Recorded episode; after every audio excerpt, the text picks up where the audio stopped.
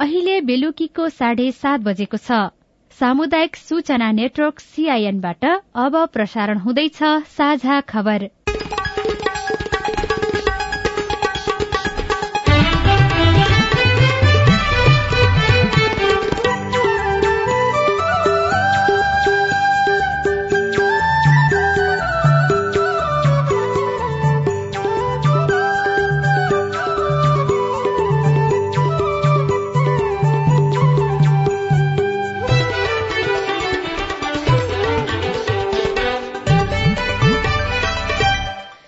सीआईएनको साझा खबरबाट सोभिता रिसालको नमस्कार। साझा खबर देशभरिका सामुदायिक रेडियो सीआईएन खबर डट कम सीआईएनको फेसबुक पेज र मोबाइल एप सीआईएनबाट पनि सुन्न सकिन्छ।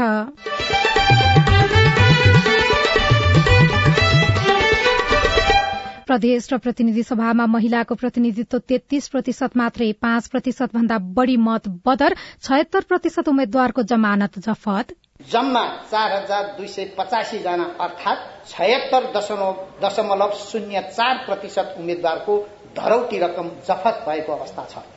विशेष अदालतले सफाई दिएका सात मुद्दा अख्तियारद्वारा सर्वोच्चमा पुनरावेदन। दलहरू सरकार गठनको प्रक्रियामा जुट्दै मधेसमा जसपा कमजोर चुनावी परिणामबारे समीक्षा गर्ने तयारी। समष्टिगत रूपमा चाहिँ समीक्षा गर्छौ र त्यो समीक्षाबाट जे निष्कर्ष निस्किन्छ त्यो अनुरूप अगाडि बढ्छौं। गएको तीन महिनामा बत्तीस प्रतिशत अध्यक्ष कामदार वैदेशिक रोजगारीका लागि विदेशी। कोरोना भाइरस विरूद्धको करिब पचास लाख खोप बाँकी। सुन्तला उत्पादन बढ़ेपछि पाल्पाका किसान खुशी। सुन्तला व्यवस्थित तरिकाले बगान बनाएर आफ्नो खेती योग्य जमिनको ढिकमा कुनामा लगाएर पनि प्रशस्त आमदानी गर्न सकिन्छ। र विश्वकप फुटबलको दोस्रो सेमी फाइनलमा आज फ्रान्स र मोरक्को खेल्दै।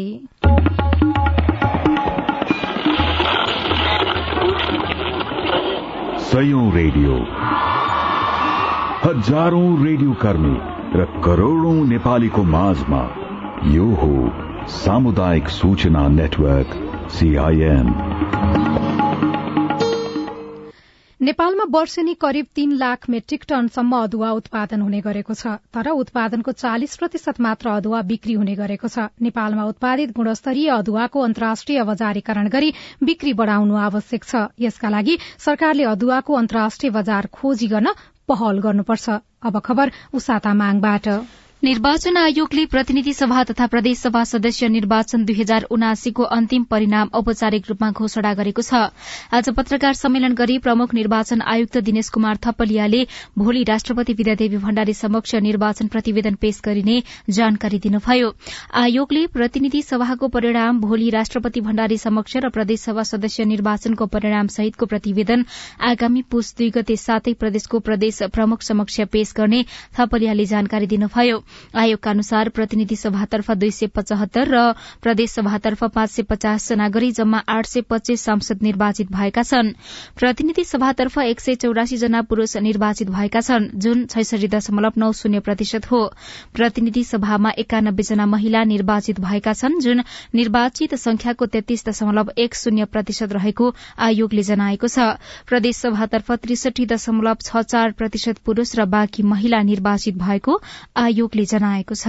आयोगले तयार गरेको निर्वाचन परिणाम प्रतिवेदन अनुसार प्रतिनिधि सभातर्फ दुई सय पचहत्तर र प्रदेश सभातर्फ पाँच सय पचास जना गरी कुल आठ सय पच्चीस जना निर्वाचित हुनुभएको छ जसमा प्रतिनिधि सभातर्फ पुरूष एक सय चौरासी जना छैसठी दशमलव नौ शून्य प्रतिशत र महिला एकानब्बे जना तेत्तीस दशमलव एक शून्य प्रतिशत निर्वाचित हुनुभएको छ भने प्रदेश सभातर्फ पुरूष तीन सय पचास जना त्रिसठी दशमलव छ चार प्रतिशत र महिला दुई सय जना छत्तीस दशमलव तीन छ प्रतिशत निर्वाचित हुनुभएको छ। निर्वाचनमा एक करोड़ दस लाख सड़चालिस हजार चौतिस मतदाताले मतदान गरेका थिए जसमा पाँच दशमलव शून्य छ प्रतिशत मतबदर भएको निर्वाचन आयोगले जनाएको छ। प्रतिनिधि सभाको समानुपातिक निर्वाचन प्रणालीतर्फ एकसठी दशमलव आठ पाँच प्रतिशत मतदान भएकोमा पाँच दशमलव शून्य नौ प्रतिशत मतबदर भएको आयोगले जनाएको छ। आयोगका अनुसार प्रतिनिधि सभा सदस्य तथा प्रदेशसभा सदस्य निर्वाचनमा भाग लिएका छयत्तर दशमलव शून्य चार प्रतिशत उम्मेद्वारको धरौटी रकम जफत भएको छ। निर्वाचनमा सदरमतको दश प्रतिशत भन्दा कम सदरमत आउने पाउने उम्मेद्वारको धरौटी जफत हुने व्यवस्था भए अनुसार प्रतिनिधि सभातर्फ एक हजार नौ सय एकसठी जना र प्रदेश सभातर्फ दुई हजार तीन सय चौविसको जमानत जफत भएको प्रमुख निर्वाचन आयुक्त थपलियाले जानकारी दिनुभयो।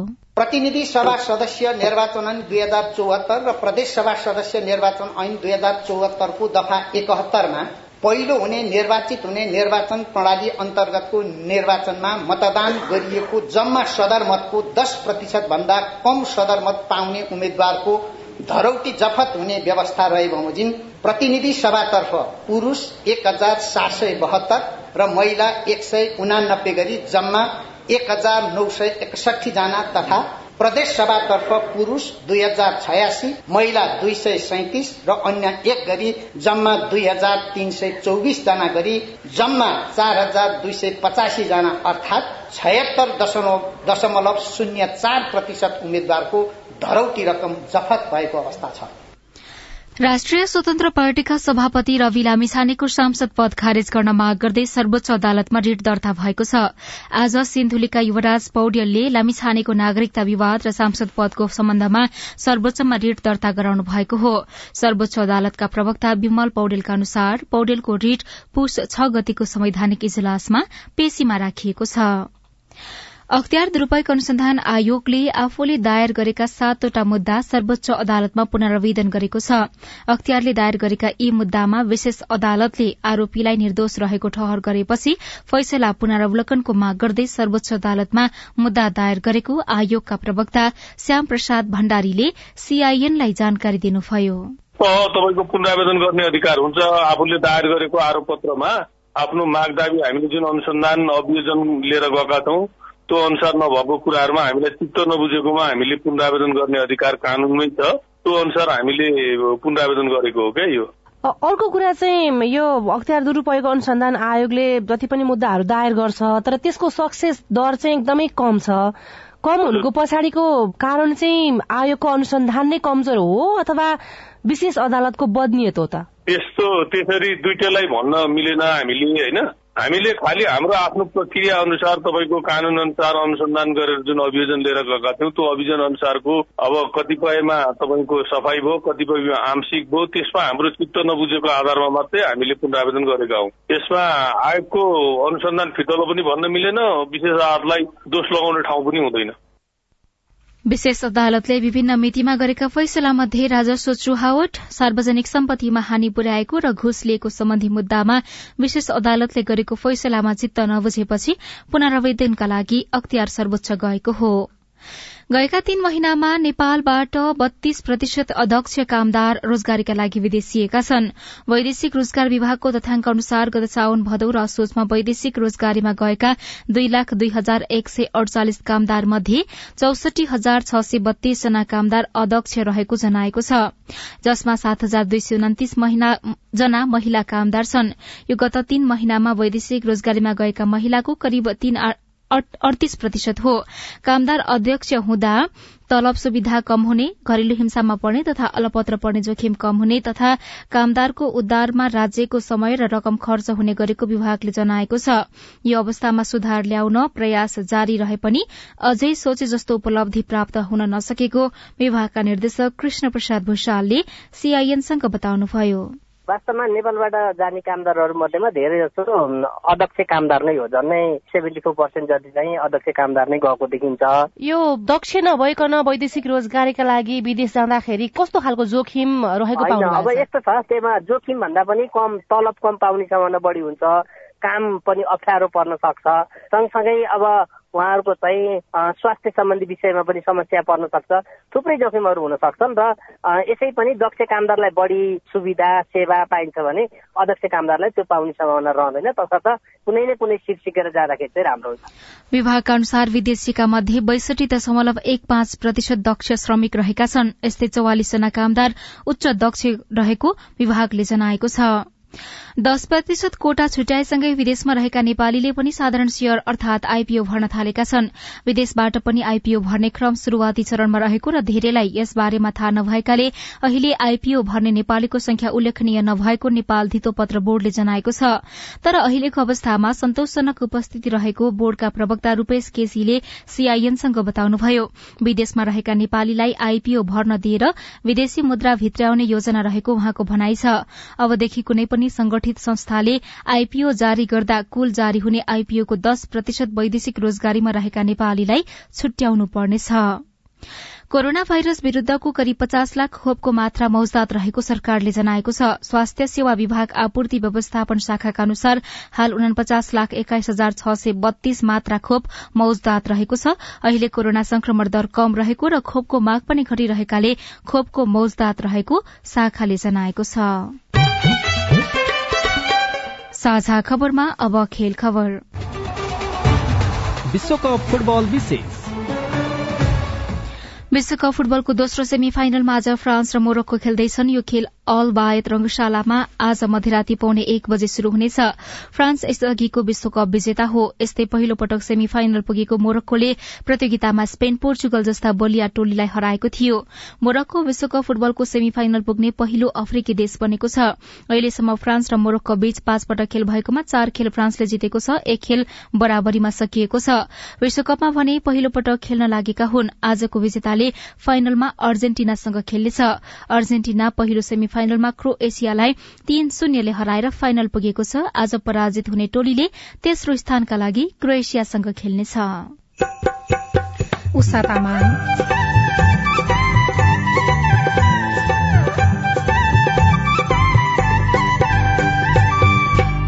पाल्पामा सुन्तला उत्पादन बढ़्यो किसान खुशी सुन्तला खेतीबाट प्रशस्त आमदानी गर्ने एउटा नेपाली किसानहरूको लागि ठूलो माध्यम बनेको छ। खेती योग्य जमिनको ढिकमा कुनामा लगाएर पनि प्रशस्त आमदानी गर्न सकिन्छ। रिपोर्ट काभ्रेमा हिजो भएको दुर्घटनाबारे छानबिन गर्न समिति गठन मधेसमा जसपा किन कमजोर बन्यो एकजना नेतासँगको कुराकानी लगायतका सामग्री बाँकी नै छन्। सीआईएनको साझा खबर सुन्दै गर्नुहोला।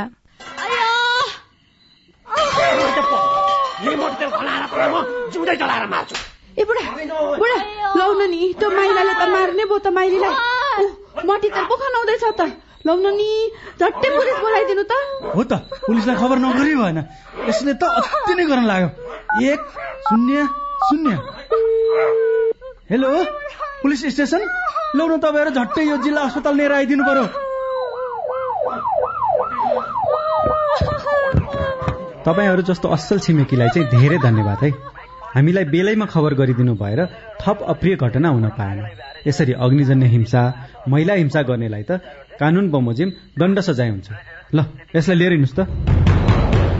सावधान। पेट्रोल मट्टीतेल जस्ता ज्वलनशील पदार्थ लगायत तेजाब करेन्ट आदिले जलाई ज्यान मार्ने अङ्गभङ्ग गर्ने शारीरिक क्षति पुर्याउने जस्ता आपराधिक कार्य गर्नेलाई प्रचलित कानून अनुसार कड़ा भन्दा कडा सजाय तथा जरिवानादेखि जन्म कैदसम्म हुने व्यवस्था छ। त्यस्ता कार्य नगरौ नगराउ। अग्निजन्य हिंसा भएमा उजुरी गर्न प्रहरीको नम्बर एक शून्य शून्यमा र अन्य आवश्यक सहयोगको लागि बीबीएस नेपालको फोन नम्बर शून्य एक चौन्न पचपन्न छ आठ नौमा सम्पर्क गर्नुहोला। अग्निजन्य हिंसा विरूद्धको अभियानमा एक्सन एड नेपाल र बीभीएस नेपालद्वारा जनहितमा जारी सन्देश। सामाजिक रूपान्तरणका लागि यो हो सामुदायिक सूचना नेटवर्क सीआईएन तपाई सामुदायिक सूचना नेटवर्क सीआईएनले तयार पारेको साझा खबर सुन्दै हुनुहुन्छ। काभ्रेमा सत्र जनाको मृत्यु र बाइसजना घाइते हुने गरी भएको दुर्घटनाबारे जाँचबुझ गर्न समिति गठन गरिएको छ। काभ्रेका सहायक प्रमुख जिल्ला अधिकारी अमरदीप सुन्नुवारको संयोजकत्वमा प्रहरी र ट्राफिक प्रहरी सम्मिलित छानबिन समिति गठन गरिएको हो। छानबिन समिति गठनसँगै पीड़ितले सब बुझेका छन्। मानवीय क्षति हुने गरी भएको दुर्घटनाको सत्य तथ्य जाँचबुझ गर्न छानबिन समिति गठन गरिएको प्रमुख जिल्ला अधिकारी हुमकला पाण्डेले बताउनुभयो। प्राइम एफएम काभ्रेले खबर पठाएको छ। नागढुङ्गा नौबिसे सुरुङ मार्गको सुरुङ खन्ने काम सत्तरी प्रतिशत सकिएको छ। आगामी एक वर्ष आठ महिना अर्थात दुई हजार एकासी सालको साउनदेखि सञ्चालनमा ल्याउने लक्ष्यसहित सुरुङ खन्ने काम भइरहेको छ। दुई हजार एकासीको साउन पहिलो साताबाट सवारी साधनका लागि खुल्ला गरिने योजना रहेको नागढुङ्गा नौबिसे सुरुङ मार्ग आयोजनाका निर्देशक रामहरि पोखरेलले बताउनुभयो।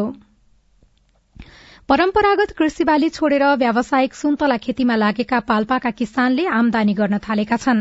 यस वर्ष सुन्तला उत्पादन समेत बढ़ेपछि किसान खुशी भएका छन्। सुन्तलादेखि पाल्पाका किसानको लागि राम्रो आमदानीको स्रोत पनि बनेको छ।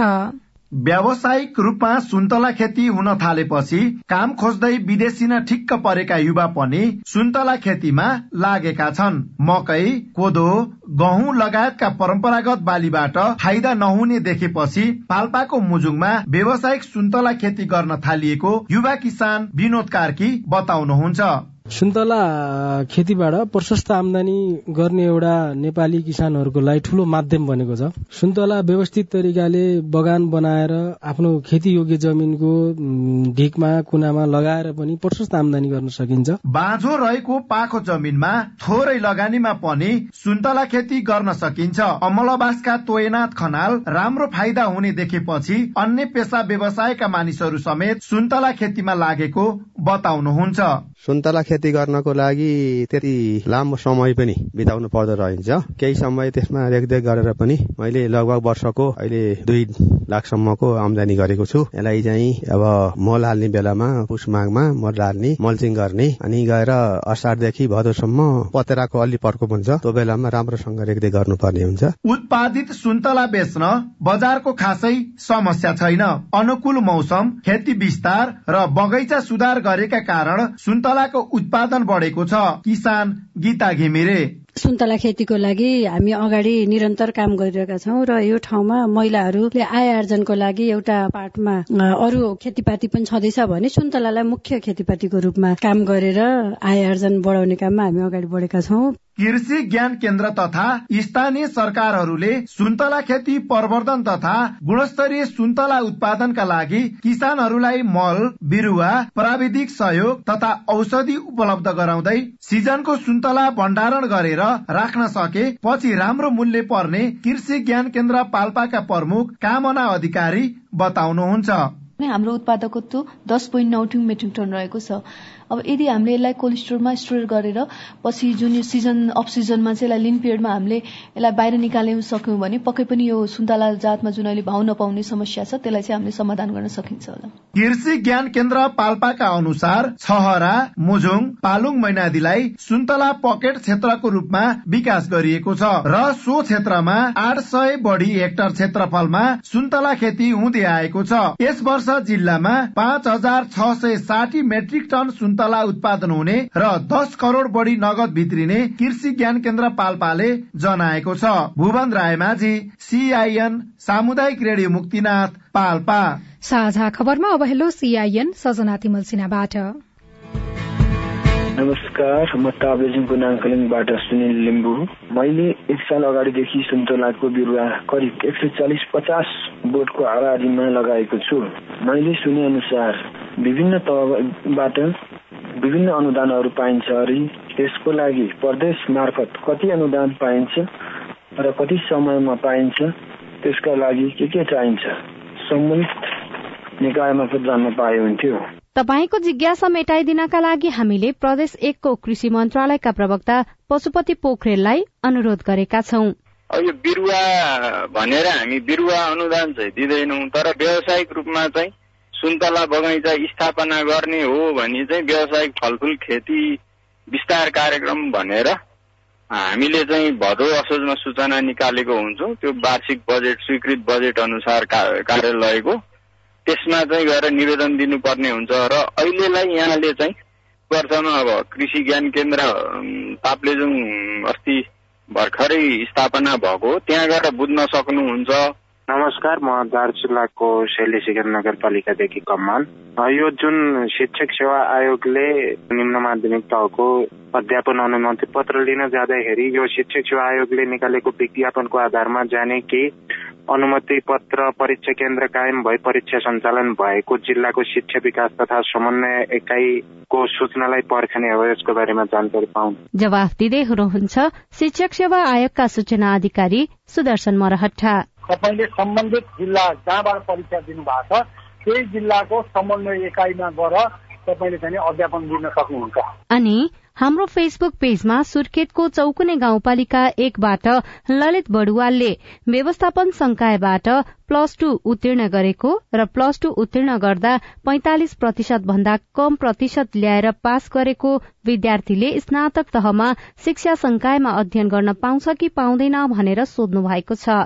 ललितजी तपाईँको जिज्ञासामा त्रिभुवन विश्वविद्यालय अन्तर्गत शिक्षा संकायका डिन चित्र बहादुर बुढाथोकीको जवाब छ। बिएडमा पढ्नको लागि पुरानो डिभिजनमा हो भने सेकेन्ड डिभिजनमा उत्तीर्ण गरेको हुनु पर्यो बाह्र कक्षा ग्रेडमा हो भने चाहिँ सी प्लस वा CGPA two point something two cross गरेको हुनु पर्यो त्यो टू भन्दा माथि आएको छ भने मात्रै बिएडमा पढ्न पाउँछ तपाईँ जुनसुकै बेला हाम्रो टेलिफोन नम्बर शून्य एक बान्न साठी छ चार छमा फोन गरेर आफ्नो प्रश्न जिज्ञासा गुनासा अनि समस्या रेकर्ड गर्न सक्नुहुनेछ। तपाई सामुदायिक सूचना नेटवर्क सीआईएनले काठमाण्डुमा तयार पारेको साझा खबर सुनिरहनु भएको छ। मधेसमा जसपा किन कमजोर बन्यो? हामीलाई कुनै पनि प्रकारको हतारो छैन। इमान्दारीपूर्वक गम्भीरतापूर्वक र जिम्मेवारीपूर्वक हाम्रो मुद्दा मजबुत हुने गरी हामी चाहिँ आफूलाई तयारी गर्छौँ र अगाडि बढ्छौं। नेता राजकिशोर यादवसँगको कुराकानी बाँकी नै छ। सीआईएनको साझा खबर सुन्दै गर्नुहोला।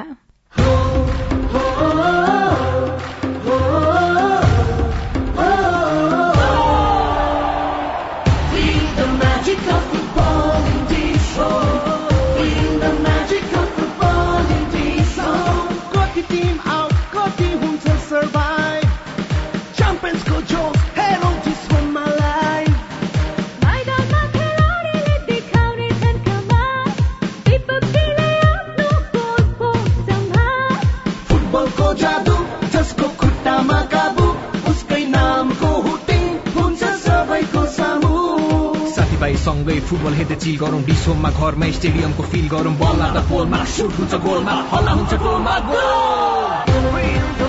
विश्वकप फुटबलको म्याजिक हेर्नुहोस्। डिसोममा लाइभ खोपमा चाहिँ बालबालिकाहरू कहाँ गएर लगाउनु पर्ने र खोप लगाउन जाँदा के के लिएर जानु पर्ने? त्यसबारे बताइदिनुहोस् न। मेरो जिज्ञासा के छ भनेपछि हामी विद्यार्थीहरू एकदमै जोखिममा छौँ तर पनि हामीहरूले समयमा खोप उपलब्ध हुन सकेको छैन। कोभिड बारे तपाईँको चासो अब हाम्रो पालोमा। कोभिडसँग जोडिएका थुप्रै बालबालिका तथा युवाहरूका प्रश्न र सरकारवालाको जवाब सहित हरेक आइतबार साँझको साझा खबरमा प्रस्तुत भइरहेको छ हाम्रो पालो। तपाईँलाई लागेको विषयमा हाम्रो आइभीआर नम्बर शून्य एक बान्न साठी छ चार छमा प्रश्न गुनासो तथा प्रतिक्रिया रेकर्ड गराउनुहोला। सरोकारवाला निकायको जवाब सहितको हाम्रो पालो देशभरिका सामुदायिक रेडियोमा प्रसारण भइरहेको छ। सामाजिक रूपान्तरणका लागि यो हो सामुदायिक सूचना नेटवर्क सीआईएन तपाई सामुदायिक सूचना नेटवर्क सीआईएनले काठमाण्डुमा तयार पारेको साझा खबर सुन्दै हुनुहुन्छ। निर्वाचन आयोगले चुनावको अन्तिम परिणाम सार्वजनिक गरिसक्यो। मधेस केन्द्रित राजनीति गर्ने दलहरूले यसपटक सोचे अनुसारको परिणाम ल्याउन सकेनन्। अझ पहिचानको मुद्दालाई आफ्नो प्रमुख मुद्दा बनाएको जनता समाजवादी पार्टी जसपा निकै कमजोर देखियो। जसपाको चुनावी समीक्षा र आगामी रणनीतिको विषयमा साथी राजन रुचालले नेता राजकिशोर यादवसँग कुराकानी गर्नुभएको छ। उम्मेद्वारहरू सबै फ्री भएर काठमाडौँ आइसकेपछि हामीले समष्टिगत रूपमा चाहिँ समीक्षा गर्छौँ र त्यो समीक्षाबाट जे निष्कर्ष निस्किन्छ त्यो अनुरूप अगाडि बढ्छौँ। व्यक्तिगत हिसाबले भन्दाखेरि चाहिँ पार्टीले त समीक्षा गरेको छैन। यद्यपि तपाईँ चाहिँ क्षेत्र परिवर्तन गरेर पनि जित्न सफल तर पार्टी चाहिँ धेरै ठाउँमा धराशयी भयो। कारण के रहेछ? अब यो पालिको चुनाव वास्तवमा नेपालको राष्ट्रिय राजनीति कतातिर जाँदैछ भन्ने कोणबाट सबै नेता र नेतृत्वले एकचोटि मनन गर्नुपर्ने चिन्तन गर्नुपर्ने अवस्था आइसक्यो। अर्को विषय के हो भने जुन प्रकारको नयाँ मतदाताहरू यो चुनावमा भाग लिएर मतदान गरे त्यसको प्याटर्न भोट प्याटर्नको बारेमा आकलन गरिएको थिएन। तेस्रो चाहिँ हामीले विगत झै यो चुनावलाई लियौं। र चुनावमा जसरी तयारी गर्नुपर्ने थियो त्यसलाई मलाई लाग्छ कहीँ न कहीँ तयारीमा कमी रह्यो। चुनाव अगाडिसम्म तपाईँहरू सत्ता गठबन्धनमा हुनुहुन्थ्यो होइन? र सिट बाँडफाँडको कुरा नमिलिसके पछाडि तपाईँहरू एक्कासी विपक्षीय गठबन्धनतिर पुग्नुभयो एमाले नेतृत्वको गठबन्धनमा जानुभयो र त्यहाँ गएर सौदाबाजी भयो तपाईँहरू मिलेर चाहिँ चुनाव लड्नुभयो। जहाँ जहाँ तपाईँहरूले भोट हाल्नुभयो त्यहाँ त्यहाँ एमालेका उम्मेद्वार विजयी भए। त्यो मधेसमा एमाले पहिलो दल बनेर फर्किँदै गर्दा पनि देखिन्छ। तर एमाले चाहिँ पर्याप्त भोट दिएन भन्ने तपाईँकै पार्टीभित्रका नेताहरूले गाईगुई गरिरहनु भएको छ। तपाईँ सहमत हुनुहुन्छ? मलाई लाग्छ त्यो पार्टोमा पनि समीक्षा गर्न बाँकी छ। हामीले प्रत्येक चुनावी क्षेत्रको भोट प्याटर्न होइन कहाँबाट कस्तो एउटा त पार्टीको आन्तरिक तयारी के थियो र त्यसमा साथीहरूको भूमिका कस्तो रह्यो? त्यो पाटो पनि हो। र हामीले गठबन्धन गरेको या चुनावी तालमल गरेको एमालेको भूमिका कस्तो रह्यो त्यसको बारेमा पनि समीक्षा गर्न बाँकी नै छ। त्यसैले अहिले मलाई लाग्छ कुनै विषयमा हतारमा टिप्पणी गर्नु त्यति उचितकर हुँदैन होइन? किनभने यसले दीर्घकालीन असर पार्छ। तपाईँ त्यसो भनिरहनु भएको छ तर तपाईँका पार्टी अध्यक्ष चाहिँ एमाले धोका दियो भन्दै हिँडिरहनु भएको छ सार्वजनिक कार्यक्रमहरूमा। सार्वजनिक भाषणहरूमा? के बुझ्ने त? होइन मलाई लाग्छ औपचारिक रूपमा समीक्षा बैठक भइ नसकेको। त्यसैले जसपाको आधिकारिक कुराहरू त्यहाँबाट आउँछ। अध्यक्षले बोलेको कुरालाई आधिकारिक नमान्ने? होइन अध्यक्ष भनेपछि त उहाँ आधिकारिक नै हो। अब मलाई त त्यस्तो भनेको छैन। त्यसैले अब यहाँले भने जस्तै उहाँले कहाँ के बोल्नुभयो त्यो पनि आधिकारिक उसमा नआइसकेको हुनाले अब यसलाई मलाई लाग्छ त्यति टिप्पणी गर्नु त्यति उचितकर हुँदैन। किनभने अहिलेको नेपालको राष्ट्रिय राजनीति जसरी गइरहेको छ नि त्यसैले अहिले हाम्रो समीक्षा गर्न बाँकी नै छ होइन? यो पाटोमा हामीले समीक्षा गर्छौं र त्यो समीक्षा गरिसकेपछि हामीले आधिकारिक धारणा चाहिँ बाहिर ल्याउँछौ। तपाईँको पार्टी अध्यक्ष उपेन्द्र यादवले चाहिँ एउटा कार्यक्रममा संचारकर्मीहरूलाई प्रतिक्रिया दिँदै गर्दाखेरि एमालेसँगको सहकार्य चुनावसम्म मात्रै थियो। अब सकियो भन्नुभएको छ। त्यसले चाहिँ के संकेत गर्न खोज्नुभयो उहाँले? ओ यस्तो थियो हाम्रो यसलाई बाहिर गठबन्धन भन्दा पनि यो चुनावको लागि तालमेल गरिएको थियो। अब सकियो? होइन अब यसलाई सकिनु भन्दा पनि त्यो चुनावी तालमेल थियो होइन। अर्को कुरा के थियो भने अब आगामी दिनमा कसरी जाने? त्यसको औपचारिक बैठक भइ नसकेको अवस्था छ। तर पार्टीको अर्का नेता अशोक राईले चाहिँ होइन त्यस्तो होइन एमालेसँगको सहकार्य बाँकी नै छ भनेर खण्डन पनि गर्नुभएको छ तत्कालै। अब त मलाई लाग्छ त्यो यो विषय यो प्रश्न बारेमा त्यो दुईजना नेतालाई नै सोद्धा बढी उचित हुन्छ। अब सरकारको कुरा गरौं। अब बन्ने सरकारमा जनता समाजवादी पार्टी जसपा तपाईँहरू सहभागी हुनुहुन्छ या हुनुहुन्न? अब अहिले तपाईँको म दुईटा कुरामा यहाँलाई निवेदन गर्न चाहन्छु। एउटा त यो समानुपातिको औपचारिक घोषणा भइसकेपछि त्यो दलभित्र छलफल गर्छौ। तपाईँलाई हतारो छ कि छैन सरकार हामीलाई हतारो छैन। हामीलाई कुनै पनि प्रकारको हतारो छैन। अब इमान्दारीपूर्वक गम्भीरतापूर्वक र जिम्मेवारीपूर्वक मैले तीनटा शब्द प्रयोग गरे। हाम्रो मुद्दा मजबुत हुने गरी हामी चाहिँ आफूलाई तयारी गर्छौ र अगाडि बढ्छौ। अहिलेसम्म तपाईँहरूलाई सत्ता गठबन्धनले नखोजेको कारण चाहिँ तपाईँहरूको हतारो नदेखिएको हो कि त? अब सत्ता गठबन्धन कसलाई भन्ने? सत्ता गठबन्धन भन्नाले अहिले भइरहेको गठबन्धनलाई भन्ने हो भने कांग्रेस नेतृत्वको गठबन्धन होइन त्यो त अब संवाद त भइरहेकै छ। तथापि औपचारिक रूपमै न हामी चाहिँ हतार गरेका छौं न उहाँहरूबाट त्यो प्रकारको कुनै। किनभने सबै पार्टीहरू आन्तरिक तयारीमा लागिरहेको छ क्या। अब कसै कसैलाई धेरै हतार छ त्यो आफै भेट्न टाइम लियो गयो भने अर्को कुरा हो। हामी त यो गठबन्धनभन्दा बाहिर गएर चुनाव पनि लडेको र आफ्नै आन्तरिक तयारी नपुगेको हुनाले अहिले कोहीसँग भेट्यो या कोहीसँग गयो भने के भन्ने? अर्को चाहिँ मधेसमा तपाईँहरूको सरकार थियो अघिल्लो पाँच वर्ष। यसपटक चाहिँ के हुन्छ त्यहाँ? मुख्यमन्त्री तपाईँहरूले पाउने नपाउने अथवा दावी गर्ने नगर्ने के हुन्छ? मलाई लाग्छ केन्द्रमा बन्ने गठबन्धनले त्यहाँ पनि प्रभाव गर्छ। त्यसैले पहिले त गठबन्धन कस्तो निर्माण हुन्छ?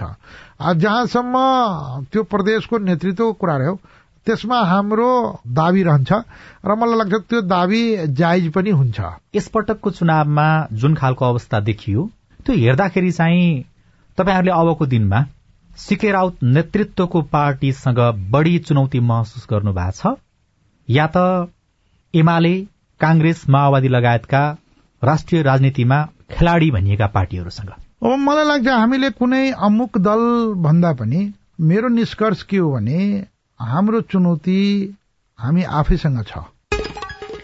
प्रदेश र प्रतिनिधि सभामा महिलाको प्रतिनिधित्व तेत्तीस प्रतिशत मात्रै भएको छ। पाँच प्रतिशत भन्दा बढ़ी मत बदर भएको छ भने छयत्तर प्रतिशत उम्मेद्वारको जमानत जफत भएको छ। विशेष अदालतले सफाई दिएका सात मुद्दा अख्तियारद्वारा सर्वोच्चमा पुनरावेदन भएको छ।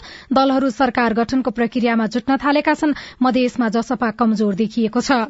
गएको तीन महिनामा बत्तीस प्रतिशत अध्यक्ष कामदार र वैदेशिक रोजगारीका लागि विदेशिएका छन्। कोरोना भाइरस विरूद्धको करिब पचास लाख खोप बाँकी नै रहेको छ। सुन्तला उत्पादन बढ़ेपछि पाल्पाका किसान खुशी भएका छन् र विश्वकप फुटबलको दोस्रो सेमी फाइनलमा आज फ्रान्स र मोरकको प्रतिस्पर्धा गर्दैछन्। हवस् त आजलाई साझा खबरको समय सकियो। प्राविधिक साथी सुरेन्द्र सिंहलाई धन्यवाद। भोलि मंगिर उन्तिस गते बिहान छ बजेको साझा खबरमा फेरि भेटौँला। अहिलेलाई सोभितारी साल पनि विदा हुन्छु। नमस्कार शुभरात्री।